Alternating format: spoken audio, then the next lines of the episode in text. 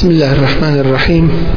الحمد لله رب العالمين وصلى اللهم على نبينا محمد وعلى آله وصحبه أجمعين. ثم ما بعد عن عبد الله بن عمرو رضي الله عنهما قال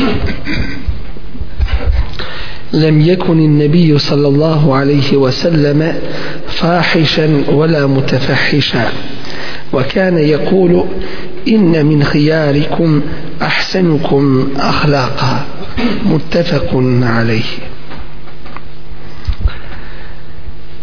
prenosi se od Abdullaha ibn Amra radijallahu anhuma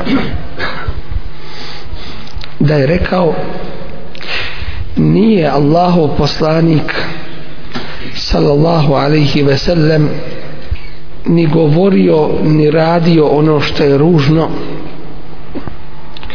niti je to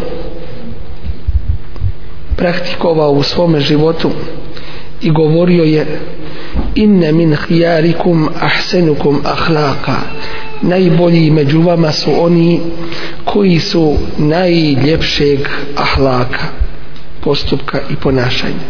Hadis bilježi i Buharija i Muslim. Abdullah ibn Amr poznati ashab to je Abdullah ibn Amr ibn al-As ibn Wa'il al-Sahmi al-Qurashi. Jedan od preteća u islamu onih koji su među prvima primili islam mnoge hadise prenosio od Allahovog poslanika sallallahu alaihi ve sellem i učestvovao je u većini bitaka sa Allahovim poslanikom sallallahu alaihi ve selleme a bio je poznat među ashabima po privrženosti ibadetu Allahu tebareke ve ta'ala i on i njegov otac bili su ashabi i zato se kaže kod njihovog spomena radijallahu anhuma neka je Allah zadovoljan njima dvojicom preselio je na Ahiret 65. godine po hijđri neka je Allah tebareke ve ta'ala zadovoljan i njim njegovim ocem.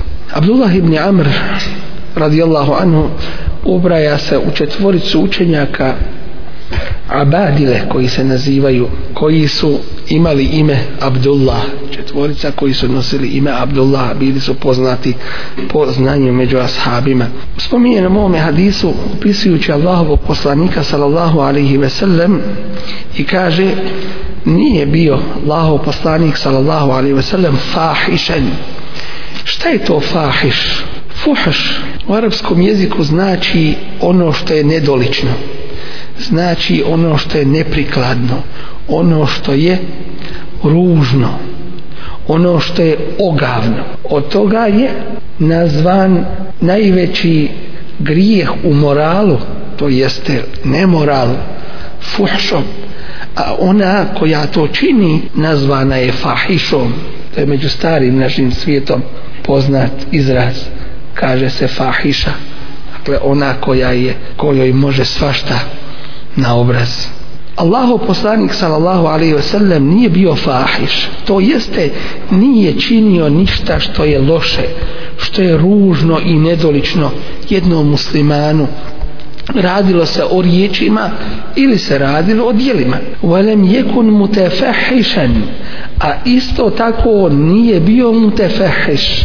Dakle niti je po svojim postupcima bio za ukora bilo kakvoga niti se tim bavio. To jeste nije govorio loše riječi niti loše postupke.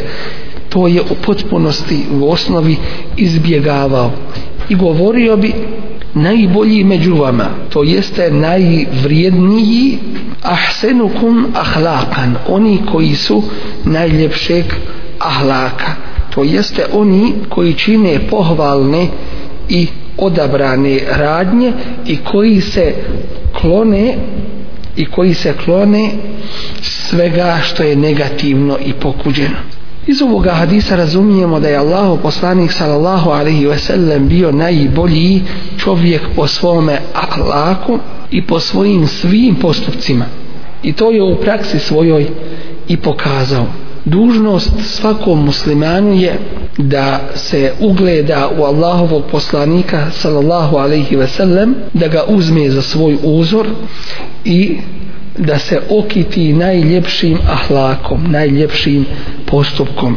Najljepši i najbolji i najvrijedniji ljudi su oni svakako među muslimanima koji se okite najljepšim ahlakom. Kao što je lijep postupak sa ljudima lijepe i blage riječi zatim da je nasmijan i vedra lica da je ljudima od koristi da im nastoji pomoći da od ljudi svoje uznemiravanje ustegne da širi selam među ljudima i tako dalje. Zatim trebamo biti svjesni isto tako činjenice da lijep ahlak lijep postupak dovodi do toga da Allah te bareke ve taala zavoli toga roba. Jer kada se kaže najbolji među vama a Allah te bareke ve taala najviše voli one koji su najbolji. Dakle takav će dobiti Allahovo te bareke ve taala zadovoljstvo i njegovu ljubav i takvog će i ljudi zavoljeti isto tako iz ovog hadisa se razumije da je lijep ahlak, lijep postupak od imana, da je lijep postupak od imana, od vjerovanja u Allaha te bareke ve ta'ala. Najbliži ljudi Allahovom poslaniku sallallahu alaihi ve sellem na sudnjem danu bit će oni koji su najljepšeg ahlaka, najljepšeg postupka. Svakako ovdje treba napomenuti da se ne ubraja u lijep postupak da čovjek gleda nevaljalštinu a on neće da je makne neće da je prekori neće da je spriječi da se ne bi ljudima zamjerio. I kažu za takvog nikad se on niskim nije zamjerio. U smislu nikada nikome nije rekao ne valjati to. To nije to svatanje ahlaka. Dakle, ostaje princip naređivanja dobra i odvraćanja od zla i to kako je najljepše. Pozivaj na Allahov put. Udru ila sabili rabbike bil hikmeti mudrošću vel mev'izati l'hasanati hasanati i lijepim savjetom. Wajadilhum billati hi ahsan i raspravljaj sa njima onako kako je najljepše Dakle, to je taj ahlak na najljepši način. Naći ćemo u postupku Allahovog poslanika, sallallahu sallam, rijetkih, izuzetnih situacija koje su zahtijevale da oštro postupi i da žestoko reaguje jer se radilo o Allahovom haku i o pravu ove vjere i upozorenju ljudima na dotične stvari i to je svakako od lijepog ahlaka.